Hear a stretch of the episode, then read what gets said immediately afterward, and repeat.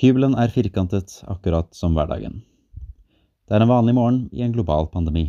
Der de første dagene var preget av surrealisme og unntakstilstand, har det nå falt over i kjedsomhet og rutine. En vanlig dag begynner ofte på den samme måten. Alarmen går litt for tidlig, og jeg sløver i senga i et kvarter, før jeg må innse det faktum at en ny dag er kommet og ting må gjøres. Jeg drar kroppen ut på kjøkkenet med et håp om at noen andre i kollektivet har laget kaffen før meg, men alas. De kan sove lenge, de har ikke morgenmøte. Kaffen settes på kok, og jeg hiver meg i dusjen. Der våkner jeg ordentlig, og etter et par perfekt gjennomførte sangnumre kan jeg offisielt regnes som våken. Deretter gjenstår det bare å helle seg litt kaffe, falle ned i stolen og møte opp i det samme gamle Zoom-rommet.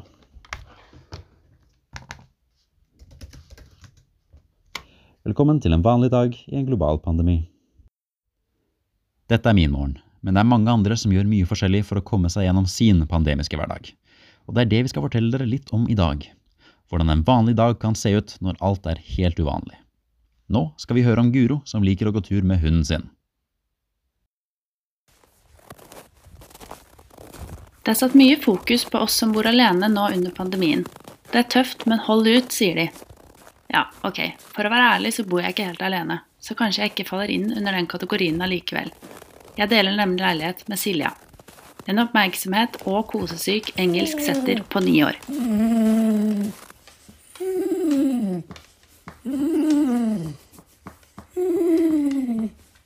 Hun høres kanskje syk ut, men hun er bare sulten. Hun ligger borti den sorte siesta-stolen. Nå merker hun at morgenmøtet er ferdig, og da skal det skje noe.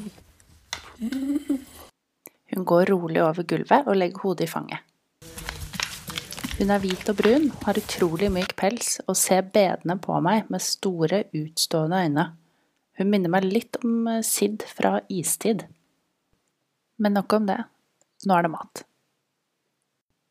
Sid?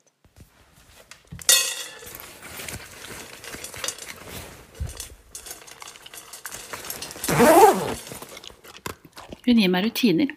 Det er vanskelig å være sent oppe når du vet at du må på tur klokken åtte om morgenen. Litt motvillig, men eh, også egentlig ganske digg. Dagene ligner på normalen. I hvert fall eh, lite grann.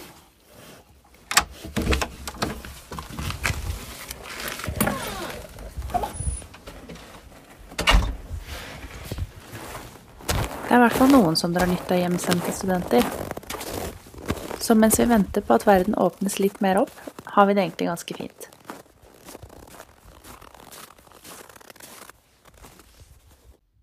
Det er jo viktig å få beveget seg selv om man sitter mye inne, så hvorfor ikke gå tur med en hund?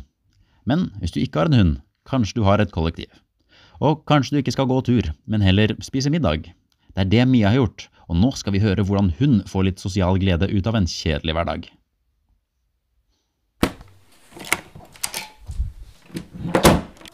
Før koronapandemien dro jeg ofte ut for å møte venner. Nå har regjeringa oppfordra oss til å være så mye som mulig hjemme, og det er derfor fint å bo i et kollektiv med andre studenter. Hei, Hallo! I dag har vi bestemt oss for å lage taco til middag sammen. Siden det ikke er like lett å møte andre nå, er dette en fin tradisjon som vi i kollektivet har én gang i uka.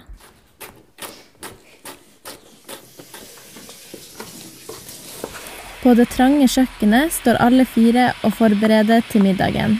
Lenge da, på den høyeste før jeg tok opp i krydder, liksom.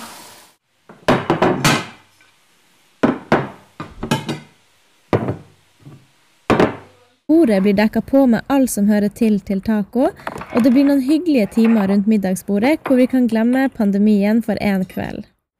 Å, det er så sykt hyggelig at vi kan gjøre det her. Seriøst, jeg har ikke truffet venner på sånn to uker etter det besøksforbudet. Når middagen er spist, er det ofte ikke så mye igjen av dagen. Når tiden så kommer for å legge seg, ser nok mange fram til å strekke seg ut i sin egen seng, men i slike tilstander som vi lever i nå, er det ikke alle som har den luksusen. La oss nå høre fra Annabelle, som for øyeblikket må sove i samme seng som sin lillebror. Kan du hjelpe meg med å skifte på sengetøy, eller? Skal jeg ta ut den? Ja, takk. Så kan jeg ta den andre. Skal Takk, Lennox. I august flytta jeg hjemmefra for første gang. Da flytta jeg til Oslo for å studere. Men jeg ble sittende mye alene i hybelen pga. koronasituasjonen. Nå er jeg tilbake i Horten sammen med mamma, pappa og lillebroren min Lennox. Hva gjør du? Jeg jobber. Med en gang jeg flytta, så så mamma og pappa en mulighet, og det var at pappa kunne få seg hjemmekontor. Hvor lenge skal du jobbe i kveld? da? Du har jobba hele dag, jo. Det, nå må du slutte å henge her, Annabelle. Dette er ikke rommet ditt lenger, vet du. Oi. Heldigvis har vi en hybel nede i kjelleren som blir min om bare to uker. Bella, Ja. er det lenge til du skal sove med meg nå? ja, klokka er bare ni, Lennox. Hvorfor kan du ikke legge deg med meg nå? Jeg venter litt. Ikke sove alene. Nei, men jeg kommer om en time omtrent. Litt lenger enn en time ble det. Men nå er klokka tolv, og nå skal jeg legge meg.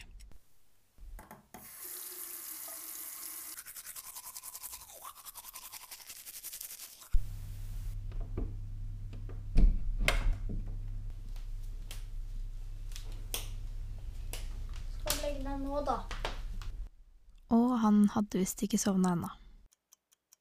Drøyt fem minutter senere hører jeg denne lyden rett ved siden av øret mitt.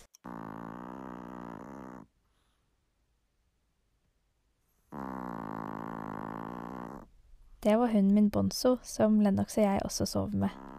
Han er en chihuahua på to kilo, og det skal lite til for at han faller i dyp søvn. Natta. Natta.